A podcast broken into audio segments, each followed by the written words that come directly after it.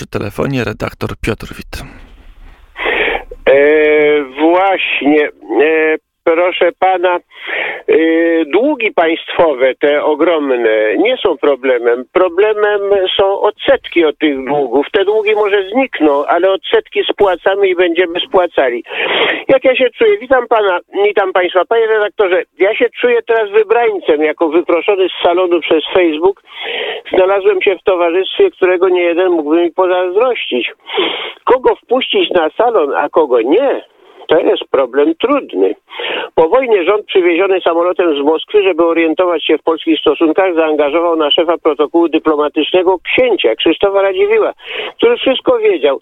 W szopce politycznej Minkiewicza i Karpińskiego na rok 1945 jego kukiełka śpiewała, bo ja jeden tylko wiem, czy ambasador brytyjski Sir Archibald Kerr ma do Gomułki zwracać się ser.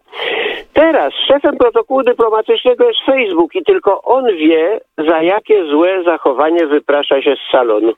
Moją książkę Pandemia, wielka mistyfikacja oskarżył o to, że nie przestrzega standardów wspólnoty. Internet był w początkach przedstawiany jako najlepszy instrument do ochrony wolności słowa, ale od kilku lat wiele gigantów internetu z Facebookiem na czele urządziło polowanie na treści uznane za obraźliwe. To jest termin tak mglisty, że pozwala ocenzurować wszystko i każdego. Niektóre wideo Donalda Trumpa były zdejmowane z internetu, a jego komunikaty opatrywano ostrzeżeniem dla czytelnika. Wyobraża pan sobie mastodonty internetu silniejsze od prezydenta czołowego mocarstwa świata. W sieci królują Google przerabia 80 tysięcy wejść na sekundę. Facebook liczy 2 miliardy 700 milionów czynnych e, użytkowników miesięcznie. Zweryfikowanie zawartości przekracza możliwości ludzkie. Główne zadania powierzono maszynom. O tym, co ma być usunięte, decydują dzisiaj roboty i algorytmy. Ale te maszyny nie są wcale bezstronne. To są roboty lewicowe. Ankieta dziennika Western Journal w Stanach Zjednoczonych wykazała, że algorytmy Facebooka od początku 2018 roku doprowadziły do obniżki odwiedzin na platformach konserwatywnych o 14%, podczas gdy ich konkurentom potempakom, e, postępakom, przepraszam, przybyło 2%. Amerykańskiej platformie Project Veritas udało się sfilmować ukrytą kamerą jednego z podwykonawców Facebooka, który przyznał się wręcz do fałszowania gry na korzyść lewicy. Jak tylko widzę, powiedział, że ktoś nosi czapkę z napisem Make America Great Again, to jest jeden ze sloganów Trumpa, natychmiast usuwam zdjęcie za apologię terroryzmu. Paradoksem naszych czasów jest, że lewica to są miliarderzy. We Francji dziennik Libération o zabarwieniu prawie trockistowskim należał do Edwarda Rothschilda. Skrajnie lewicowy Le Monde do kilku miliarderów, w tym Pierre Berger, e, właściciel, e, właściciele lewicowych platform internetowych. To są największe fortuny świata. Hasło proletariusze wszystkich krajów łącznie się nigdy nie było zrealizowane, ale hasło miliarderzy łącznie się było. Wracając do naszych baranów, w Brukseli wystawia się właśnie rachunek za pandemię.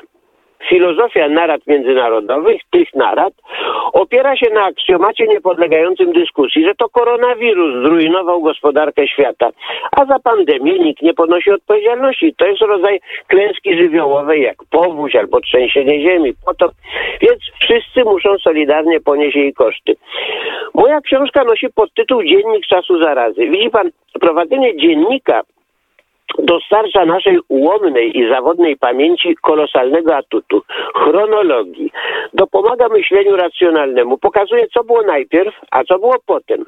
Kiedy na rzecz spojrzeć chronologicznie, widzi się, że najpierw była ruina gospodarki, gigantyczny kryzys świata zachodniego, a potem pojawił się wirus, że wirus zagnieździł się w ruinie, w dziurze spowodowanej przez kryzys i że za ruinę gospodarki ponosi odpowiedzialność 30 lat cynicznej polityki ekonomicznej, globalizacji, licząca się z interesem najbogatszych bez względu na konsekwencje. Chciwość pragnąca napełnić kieszenie kutkę kut bez względu na koszty społeczne, gospodarcze, oświatowe, zdrowotne itd. Tak Kryzys nie wszędzie dostrzegany od razu, ponieważ odłożony na później kosztem astronomicznego zadłużenia państw.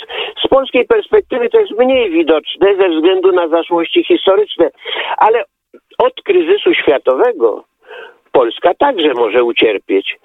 Słyszę w tych dniach we Francji surowe głosy krytyczne pod adresem Polski. W Brukseli zadekretowano by już finansowanie kryzysu.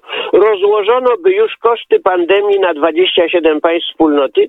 Niestety dwa kraje przeszkadzają w interesach. Polska i Węgry.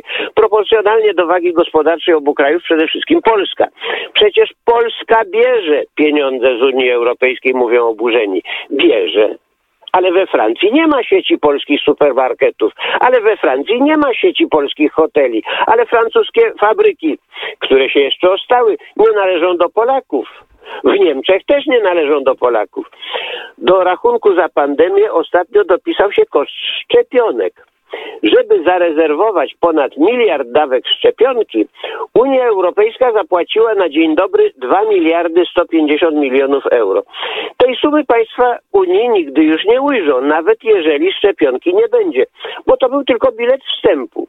Jeżeli szczepionka będzie, to za cztery kontrakty zawarte z firmami farmaceutycznymi AstraZeneca, Pfizer, Janssen i Sanofi, państwa członkowskie Unii będą musiały zapłacić za wszystkie dawki zarezerwowane w momencie, kiedy Europejska Agencja Leków dopuści je na rynek. I na tym nie koniec wydatków.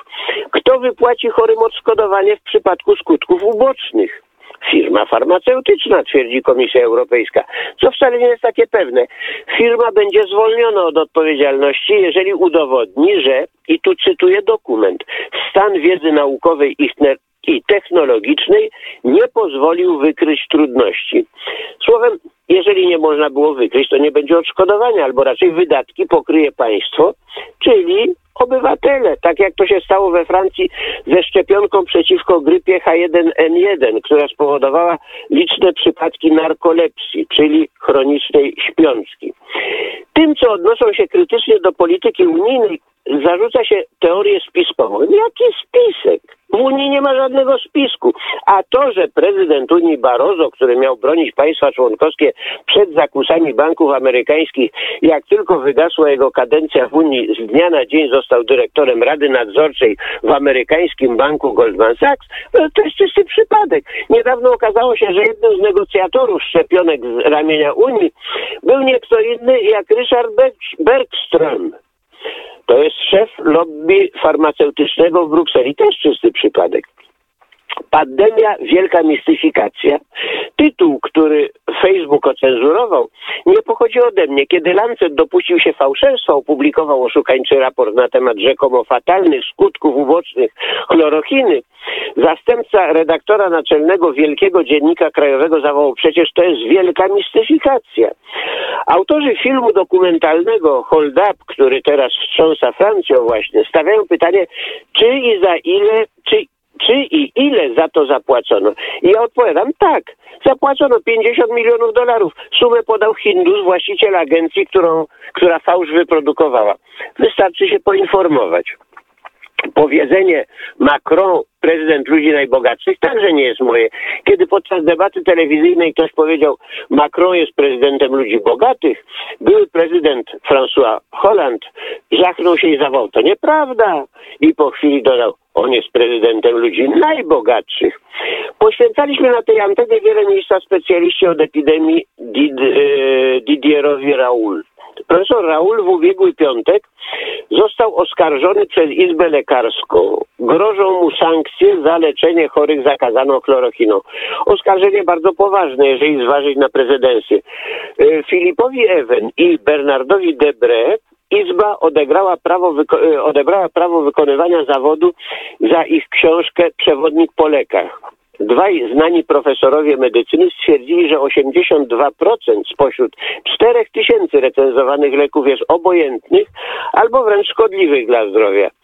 Z kolei dr Claude Gubler lekarz przyboczny Mitterranda. Izba lekarska pozbawiła go prawa praktyki, a sąd skazał na więzienie i grzywnę 340 tysięcy euro za opublikowanie prawdy o śmiertelnej chorobie Mitterranda. No, Google został później e, rehabilitowany przez e, Sąd Europejski. I jeszcze inny przykład. Profesor Luc Montagnier, laureat Nobla, odkrywca wirusa AIDS, który sceptycznie wyraża się o szczepionkach. Jemu z kolei odebrano laboratorium i posłano na emeryturę, a przecież wszystkich się nie zna. W tej chwili we Francji panuje marazm. Podwoiły się przypadki depresji.